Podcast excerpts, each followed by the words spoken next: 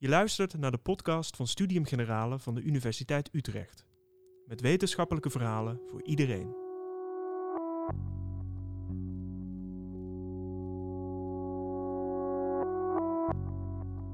De wereld was van 2014 tot 2019 in de ban van Islamitische Staat. Van een afstand leek het een los samenraapsel van gewelddadige jihadisten. Maar was dat ook zo? Historicus Beatrice de Graaf kreeg toegang tot de officiële politiedocumenten van IS. Daaruit komt ook een ander beeld naar voren. Hoe was IS georganiseerd? Wat ik vanavond met u wil doen, is heel in het kort, in 20 minuten, door te nemen wat de staat van IS is.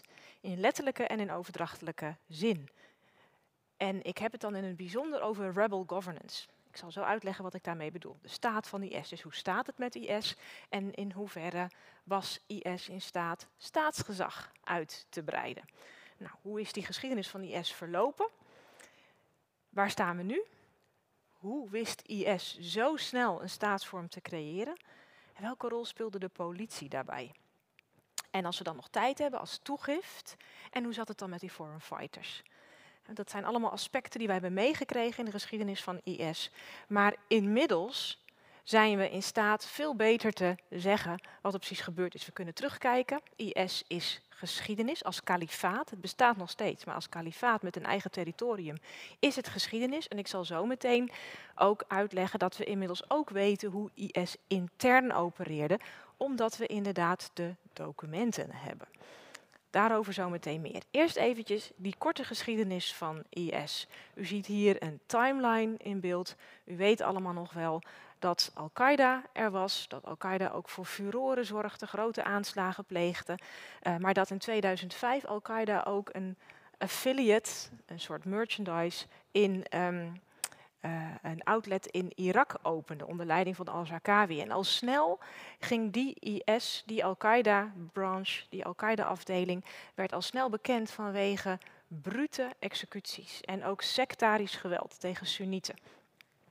Toen IS in 2013 ISIL werd genoemd, dus de Islamitische Staat in Irak en de Levant, uh, toen breidde IS zijn grondgebied ook steeds sneller uit. Dat deed ze door uh, heel snel op allerlei plaatsen verkenners en spionnen neer te zetten, die informatie en dossiers samenstelden van belangrijke leiders in de omgeving. Het was ook een, hele, een heel ander proces dan Al-Qaeda bijvoorbeeld had gedaan. IS zorgde er ook voor dat ze politiebureaus uh, in beslag kon nemen en daar ook zelf eigen politiebureaus kon vestigen. En IS werd ook al heel snel bekend omdat ze anders dan Al-Qaeda nog meer um, sophisticated omging met de media. De eigen mediaafdeling van IS en ook de eigen buitenlandse afdeling van IS, de EMNI, werd al heel snel berucht omdat ze in 2014 en 2015 een aantal grote aanslagen pleegden. Bekendste is natuurlijk, hè, mede beïnvloed door IS, eh, 2015 Charlie Hebdo en later ook Bataclan. Dus dat waren de grote aanslagen waar ze echt wereldwijd berucht werd. Maar in Syrië en Irak zelf wist IS ook zijn grondgebied heel snel uit te breiden september 2013 heet het nog Al-Qaeda in Irak, werd het ISIL, hadden ze een aantal gebieden rond Raqqa in bezit. In juni 2014 begon de Islamitische Staat zijn opmars door Irak. Uh, je ziet lijnen vanuit Baghdad, Fallujah naar Raqqa en ook de Tigris langs zo naar Mosul.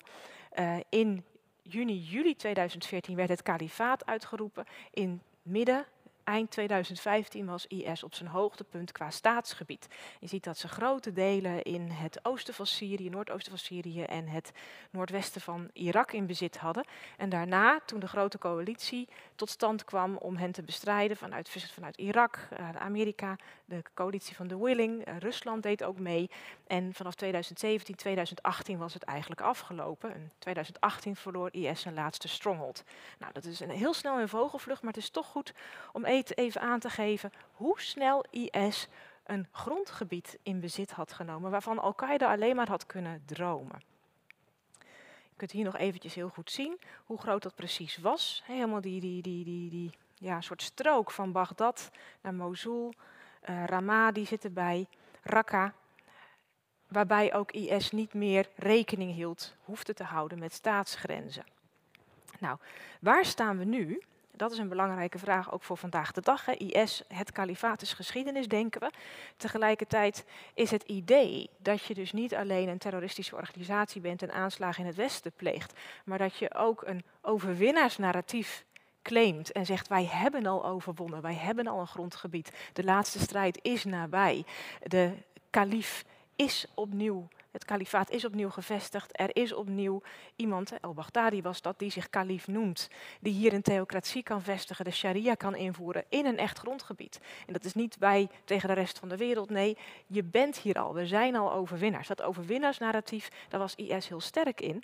En voor een deel zien we dit proces zich herhalen.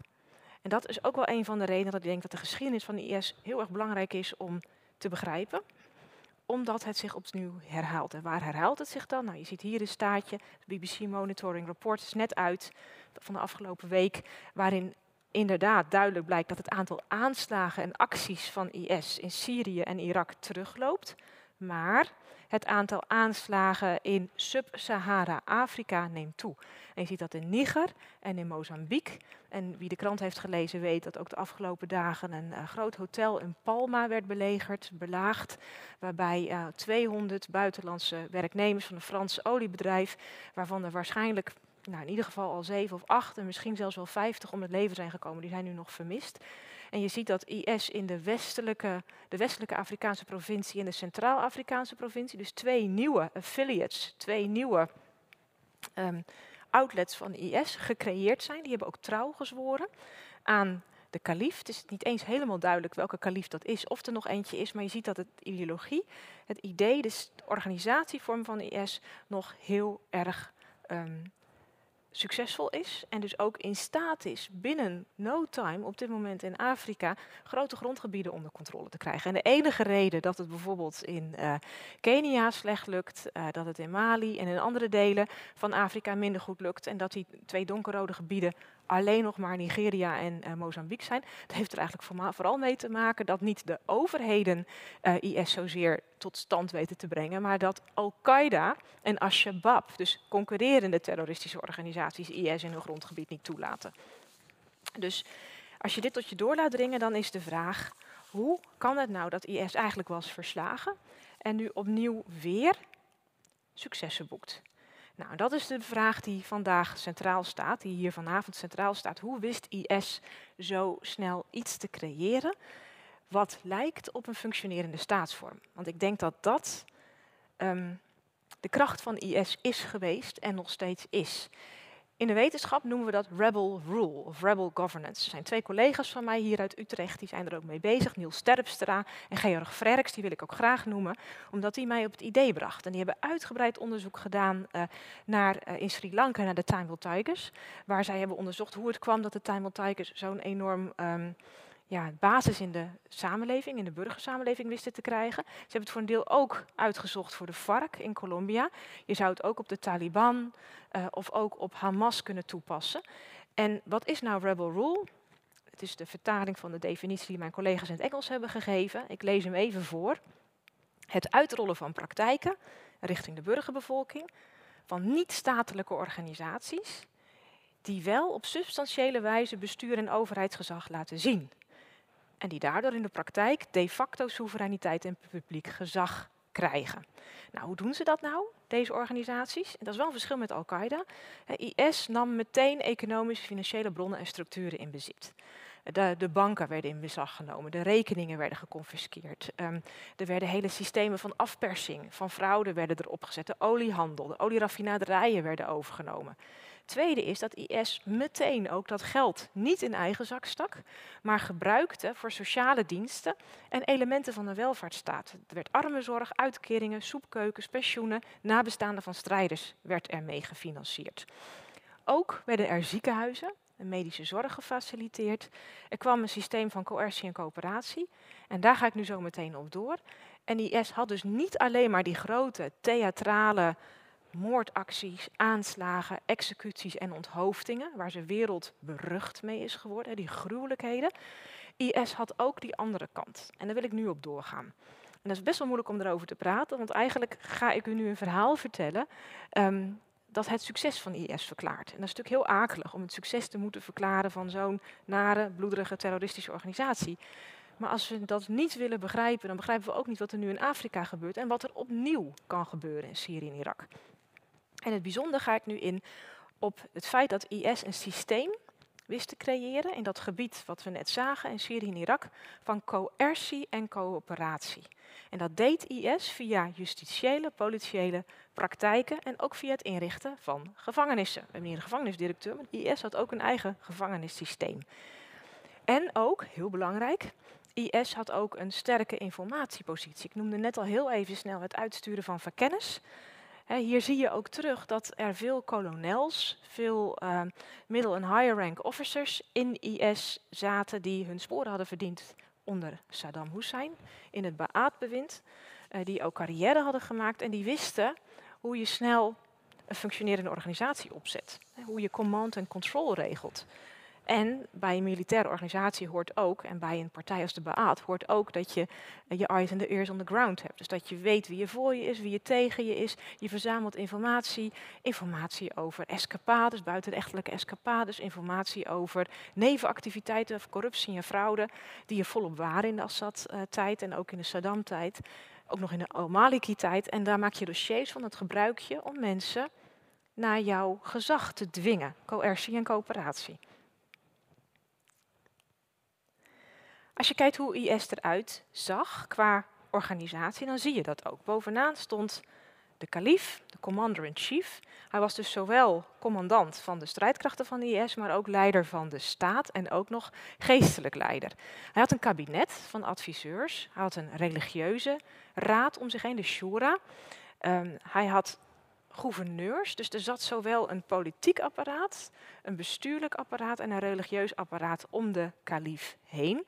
je ziet ook dat er eigenlijk ministeries werden opgetuigd die onder die gouverneurs vielen. Voor financiën, ministerie voor militaire zaken, uh, ministerie van justitie was er. Er was geen eigen ministerie van politie, dat viel onder justitie. Er was wel een buitenlandse veiligheidsorganisatie, die EMNI waar we het al over hadden. En er was een mediaraad. Nou, ik ga daar niet heel uitvoerig op in, omdat ik dit graag verder wil toelichten. Um, er waren vier afdelingen die verantwoordelijk waren voor het gezag en de controle in het gebied van het kalifaat zelf. Je had, ik noem even de EMNI, die heb ik al genoemd, die inlichting en veiligheidsdienst, die was verantwoordelijk voor de buitenlandse strijders, voor de buitenlandse operaties, voor de intelligence. Haji Bakker, dat is zo'n mysterieuze man die ook groot is geworden in het regime, die was daar verantwoordelijk voor. En het schijnt dat hij misschien zelfs nog wel is opgeleid ooit, tot in de jaren negentig aan toe, door de Oost-Duitse geheime dienst. De Oost-Duitse geheime dienst heeft drie maanden per jaar altijd uh, eh, Baat-officieren opgeleid. En kan zijn dat een gedeelte van die intelligence-kennis van IS via die Baat-officieren zo um, ja, eigenlijk op hoog niveau was gerijpt. Daar gaan we het zo niet over hebben. De Hisba is misschien ook wel bekend. De Hisba is de zedenpolitie. Je had ook speciale vrouwenbrigades van de Hisba die rondreden met, met uh, kalasjnikovs. En die stopten en mensen lukraak arresteerden. En het sprak ook tot de verbeelding. Als je niet gedroeg, als je die kaap niet lang genoeg was, dan werd je opgepakt. Dan hebben we ook nog het het formele ministerie van Justitie en Klachten, de Diwan al-Qada wa Amat Halim. Dat is een systeem van sharia-rechtbanken. Het handafhakken, zelfs de onthoofdingen is ook bekend. Maar wat het vierde element is, en daar is nog nooit eerder onderzoek naar gedaan, dat is de gewone politie. Nou, er zit hier een politieagent. Die kan straks ook nog wel vertellen hoe belangrijk het is dat er gewoon een geregeld systeem van orde en gezag is. Dat de mensen hun spulletjes opruimen. Dat er niet lukraak wordt ingebroken. Dat er niet wordt gestolen.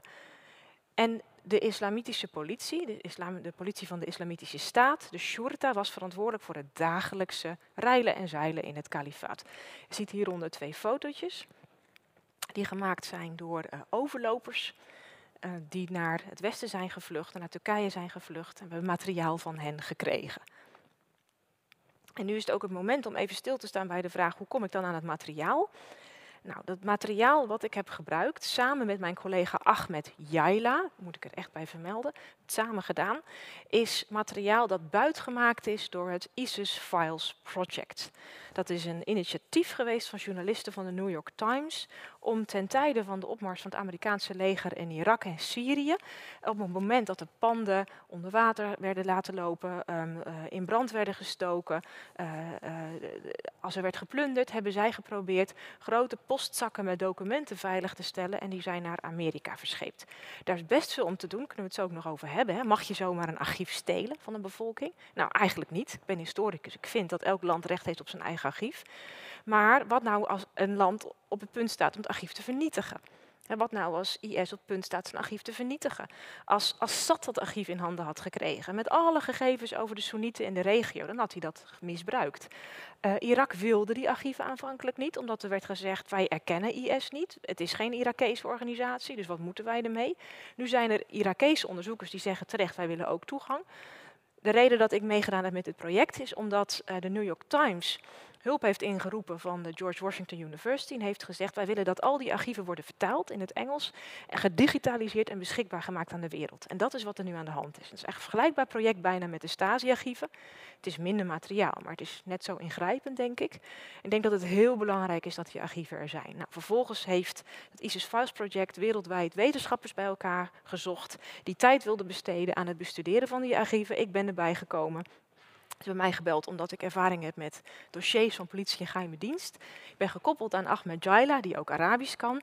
De stukken waren al vertaald. En zo kregen wij ineens allemaal gegevens, via allemaal, allemaal drives, gegevens van de islamitische politie. Documenten en archieven die dus buitgemaakt zijn uh, uit politiekantoren rond Mosul en Raqqa. Dus echt de kern van het IS-gebied. Ze zijn vertaald, een originele versie ingescand. Dus ik heb zowel de Arabische als de vertaalde versies gezien. En um, wat hebben wij op basis daarvan kunnen concluderen? Nou, allereerst, de plaatsen waar IS kwam werd afgekondigd. Dit is nu deel van het kalifaat. En als een van de eerste dingen werd er een document aan alle burgers uh, overhandigd. Het werd ook opgehangen en dat document heette Vatikat al-Medina het document van de stad. En eigenlijk was dat een aanbod van IS van een sociaal contract.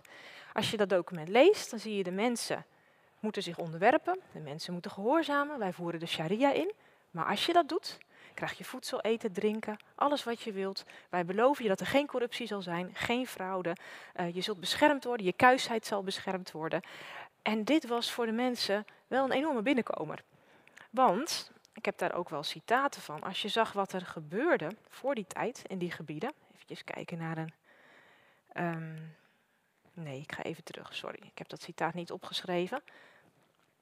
Dan zal ik het eventjes uit mijn hoofd voorlezen. Voor die tijd, wat was er aan de hand tot IS daar kwam? Het waren gebieden die voor een deel onder Assad vielen en voor een deel onder al-Maliki. Zoals een moeder zei, wij wisten heus wel dat IS een terroristische staat was. Maar we hebben liever een staat dan een roversbende. Ik heb liever dat mijn dochter zich moet onderwerpen aan de sharia, dan dat ze zich elk moment moet laten verkrachten door de soldaten van Assad. Dit zijn citaten die wij hebben opgetekend uit de politiedossiers en ook uit de monden van overlopers zelf. En dat geeft aan dat voor de mensen dit een, voor veel mensen in de regio, voor natuurlijk de Jezidis niet, hè, laat ik vooropstellen, IS was een totalitair onderdrukkingssysteem met die aspiraties. IS heeft genocide gepleegd op de Jezidis. Dat, wil, dat staat echt als een huis. Maar er was ook een groot deel van de mensen die ervan profiteerden in de zin dat het minder erg was dan wat ze daarvoorheen hadden. De politieorganisatie die functioneerde. Die had, eh, heel veel geld werd gestopt in het bemannen van de politiekantoren. Er waren 3000 politieagenten. Er waren patrouilles die altijd met twee auto's erop lostrokken. Ze hadden nette uniformen aan. Politieagenten kregen salaris, waardoor ze de mensen niet om hoefden te kopen of af te persen. Een politieagent die uh, vergat 3 uh, eh, dollar 50 terug te betalen, die prijs, best wel veel in dat gebied, die kreeg meteen straf. Dus er werd echt toegezien, zeker in die eerste twee jaar 2015, 2016, dat de politie zonder fraude functioneerde.